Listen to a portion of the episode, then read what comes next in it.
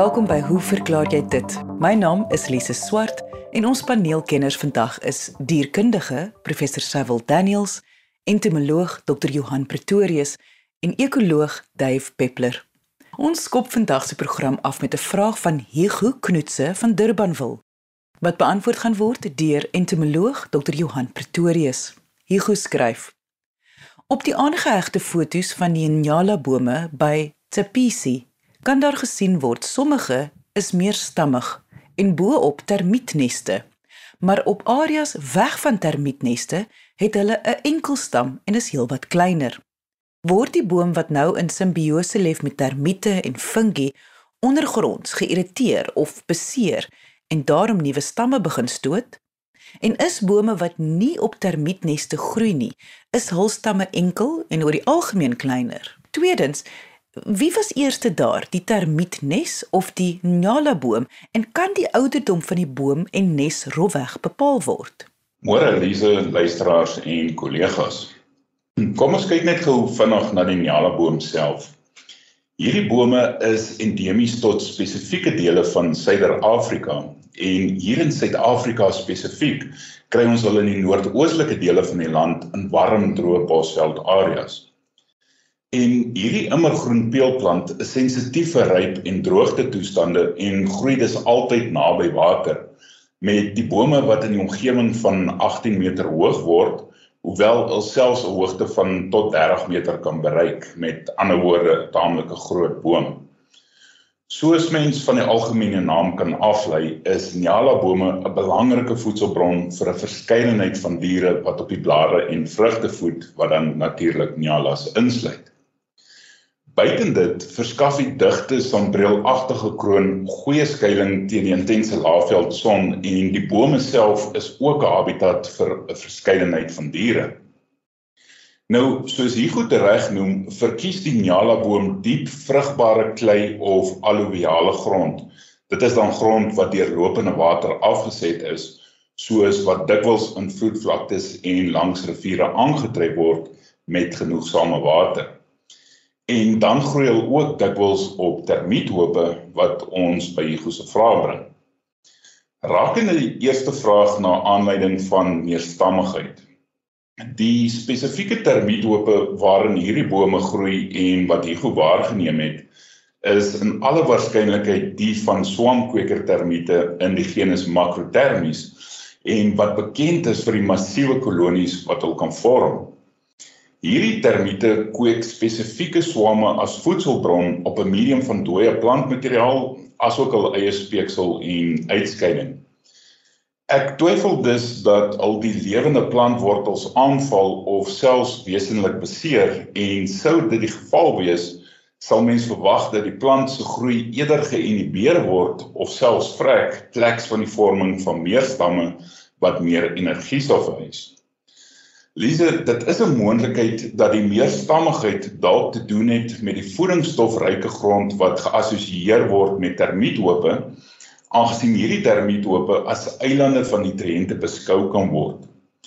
Daar is al byvoorbeeld bevind dat herbivore graag op plante wat op en rondom swamkweker termiethope groei by aangesien die hoeveelheid, die diversiteit en moontlik ook die voedingswaarde van hierdie plante hoër is as die in die omliggende omgewing. En dit kan grootliks toegeskryf word aan beide die vertikale en horisontale verspreiding van voedingsstowwe in die grondprofiel, veral die makroelemente stikstof, fosfor en kalium.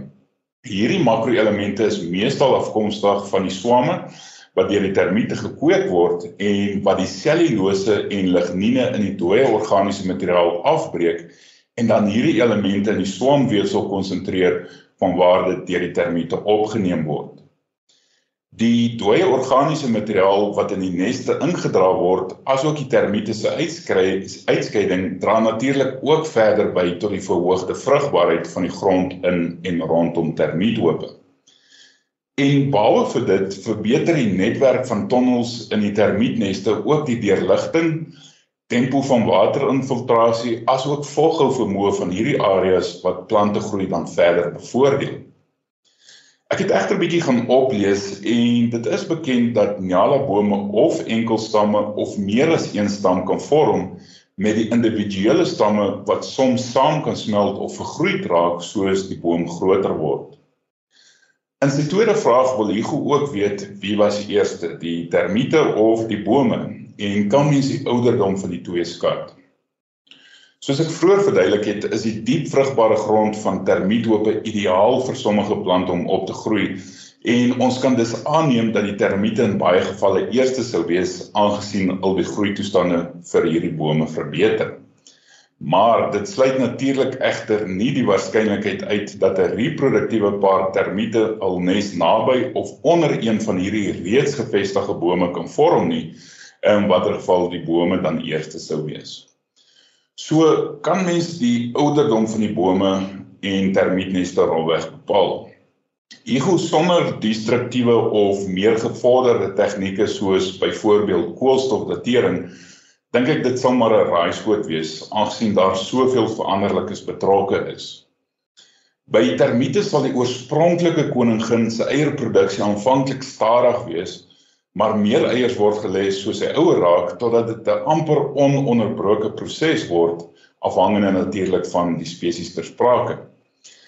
In die vroeë stadium van koloniegroei word meestal slegs werkers en soldate geproduseer en gevlerkte vrugbare individue wat die nes verlaat om nuwe kolonies te vorm word eers 'n paar jaar later geproduseer as die kolonie meer gevestig is.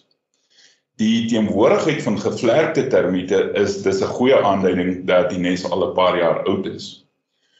Om dinge verder te kompliseer, is die termietkoninginne van die langslewende insekte bekend, maar hulle kan deur sekondêre en selfs tersiêre reproduktiewe kastes vervang word, sou wil vrek wat dan 'n rol van reproduksie oorneem. Die punt wat ek wil maak is dat sulke neste onder ideale toestande dis vir etlike jare kan voortbestaan. En 'n 2015 studie deur 'n groep Belgiese navorsers in die Kongo, juis op swamkweker termiete, het selfs gevind dat die groei tempo van hierdie termiete se hoope beïnvloed word deur historiese klimaatstoestande. By swamkweker termiete in die algemeen sal 'n klein boogrondse hoop eers te voorskyn kom na ongeveer 2 jaar, afhangende moontlik van die spesies, en sal dan mettertyd vergroot word soos die kolonie volwassenheid bereik. Swamkweker termiethope wat 'n paar meter hoog is en met 'n merkbare skoorstene wat 'n rol in lugsirkulasie binne in die nes speel, sal dis 'n hele aantal jaar oud wees, selfs oor die 20 of 30 jaar. Nou buiten groter neste sal die deursnee van die tonnels vir al die wat in lugsirkulasie gebruik word, asook die grootte van die swamtuine 'n idee gee van die nes se volwassenheid hoe groter hoe ouer, maar dit verg natuurlik meestal destruktiewe metodes om te kan bepaal. Laastens kan ek ook net noem dat dit bekend is dat 'n nuwe kolonie swamkweker termiete hulself op of in 'n vorige verlate nes kan vestig. So Hugo, daar is 'n hele aantal dinge wat na aanmerking geneem moet word as dit kom by die bepaling van 'n uh, termietkolonie se ouderdom. Vir die nyala bome self dit is 'n medium vinnig groeiende boomspesies, maar die groei tempo sal waarskynlik ook grootliks deur die beskikbaarheid van hulpbronne asook lokale klimaatstoestande en grondeienskappe bepaal word. Lise net ter afsluiting dan, aangesien daar soveel veranderlikes betrokke is, kan mens sekere rowwe skatting maak van die ouderdom, maar sonder intense waarnemings en gefokusde studies sal daar tog maar altyd 'n mate van onsekerheid betrokke wees. En ek kan net bysê dat die Nyala boom nie die enigste boom is wat graag op termietope groei nie. 'n Ander goeie voorbeeld is die heilboorboom. So, Igu, baie dankie vir die deel van jou interessante observasie met ons.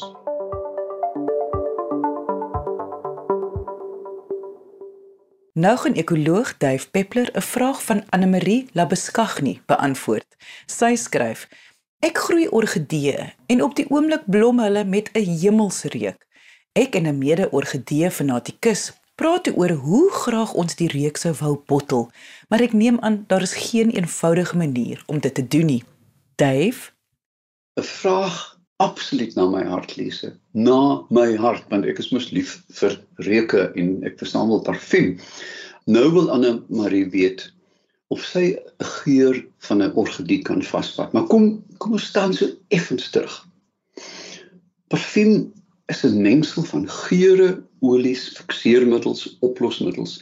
En die, die pragtige Latynse woord dit is perfumare om deur rook te trek. En dit neem ons dadelik terug na die oorsprong van parfum 4000 jaar gelede was mirre wierook al bekend en as jy dit brand het jy die geur gekry deur die rook van 'n vuur perfumare nou ja ons weet uit Mesopotamië ons weet natuurlik die fabelagtige storie toe Carter die praalgraf van Tutankhamun in 1923 oopgemaak het was daar parfumflesse hulle het een oopgemaak en hulle is oorweldig deur die reuk volkome behoue 3000 jaar later was dit behoue in die flesse want dit was in die donker en in die koelte.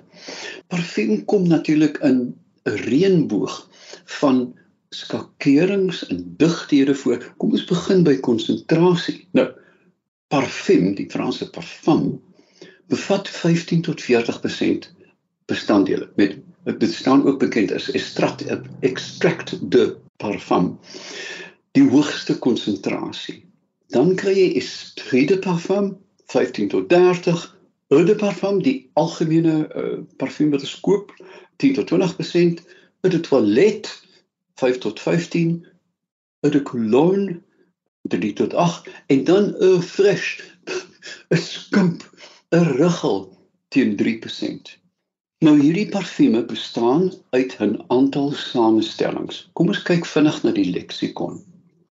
Absoluut. 'n Absoluut is die hart van 'n geurmiddel. Met ander woorde die hoogste vorm van konsentraat waar ek in uh Marokko 2.5 ml roosolie gekoop het vir 200 dollar. Want na my vertaling van die van die verduideliking was daar in die orde van 12 tot 15000 rose in hierdie 2.5 ml. So dit is die absoluut. Dan is daar al die hede wat die eerste keer sy kop uitgesteek het in net na die Eerste Wêreldoorlog met um Chanel nommer 5, die beroemde daai champagne noot, daai openingsnoot wat so borrel, is al die hede en dit is kunsmatig. Dan het ons 'n akkoord 3 of 4 elemente saam wat 'n wat 'n simbiotiese akkoord vorm. Met ander woorde, 'n samestelling. Dan het ons die draer, gewoonlik alkohol of olie. Ons het 'n basisnoot en hierdie is die noot wat die langste hou, daai diep onder wat gewoonlik so verwant is aan muskus. Ehm um, dan het ons 'n sievry. Nou sievry is 'n klassieke samestelling van eikemos, sandelhout en houtsoorte.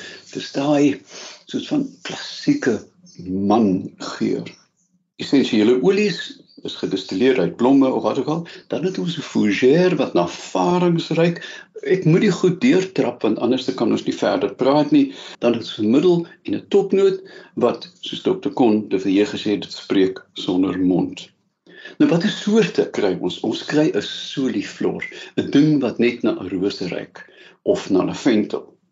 Ons kry 'n blomboeket, ouer en um, luisteraars sal tattoos joy en en hou met baie baie blomgeure.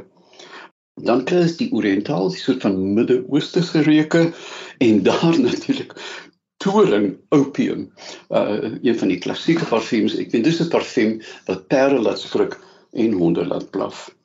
Um ons kry houtagtig Chanel se Bois des Îles um die woud van die eilande. Ons kry vrugtegeure Lolita Lempica en dan natuurlik nog 'n donderslag die gourmand, die lekkerryk goed Mugler se Angel. Nou dit is weet ons verstaan ons die leksikon, die soorte en dan dink vinnig kyk ons na die boustene. Boombas. Dink kaneel. Blomme, dink roos. Nou die die hart van hierdie geure van blomme kan op 'n paar maniere uh bekom word. Die een is distillasie, maar ons weet dat van hierdie molekules baie onstabiel en vlugtig is en deur dit te kook belemmer jy in 'n mate die geur. Maar dan is daar die van julle wat die film Perfume of die roman gelees het, aanvloegaars, een van die oudste maniere. Dun laagies varkvet word op gasdoeke gesmeer en dan word 'n laag jasmyn daarop gepak vir 2 dae. En as hulle dit afhaal nog een en haal dit af en nog een en baie keer oor maande word blomme op hierdie vetlaag gepak en ons weet dat 'n vetterige reuk um, is geneig om ander geure vas te vang. Dan word hierdie vetlaag na hoeveel herhalings in alkohol opgelos gelos en daai druppels van die hart van die parfuum kom uit. Dan kan jy baie vlugtige en gevaarlike goed soos heksaan gebruik of superkritiese CO2 wat ook die geur kan kan uithaal. Vrugte Hier dink ons aan die skille van sitrus, blare, ons dink aan patchouli en natuurlik die viooltjie geur, jy weet, violets, kom nie van die blom nie, maar van die blare. Um hars, die klassieke mirre en wierook, wortels byvoorbeeld of knolle, iris, ons saglik duur, sade, koriander, hout, sandelhout uit die diereryk is ambergrys, castoreum, civet, heuningkoek en miskus, maar as gevolg van diereregte, 'n bewustheid is mense geneig om daarvan weg te beweeg. Nou om die vraag te beantwoord Anne Marie. Om 'n parfuum te maak is nie perde koop nie. Dit om 'n ware parfuum te maak.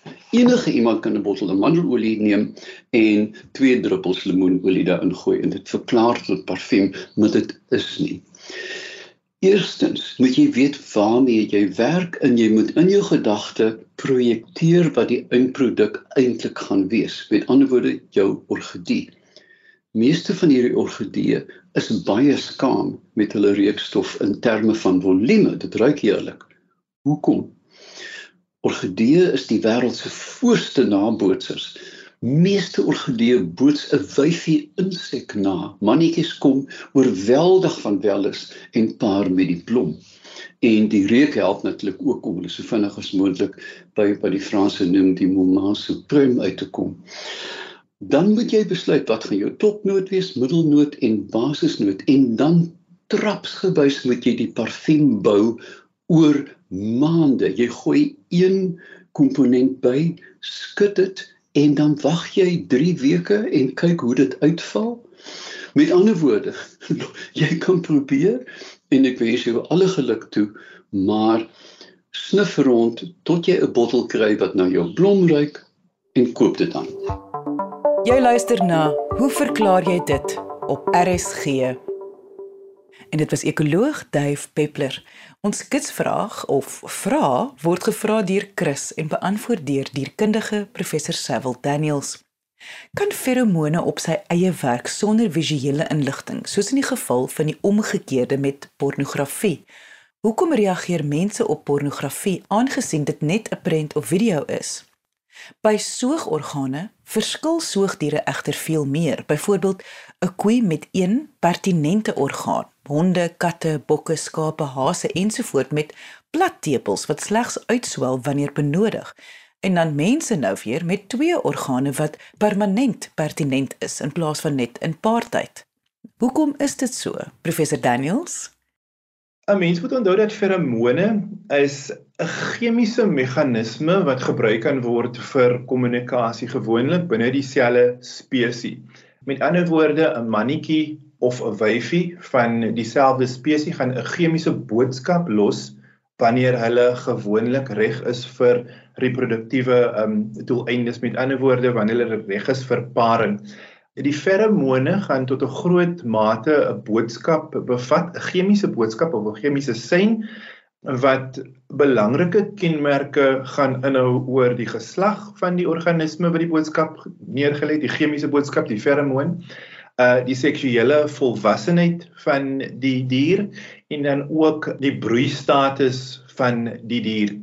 Dit is belangrik om daarop te let dat in mense is daar geen wetenskaplike bewyse dat mense feromone gebruik vir kommunikasie of vir um om hulle maat aan uh, te trek nie.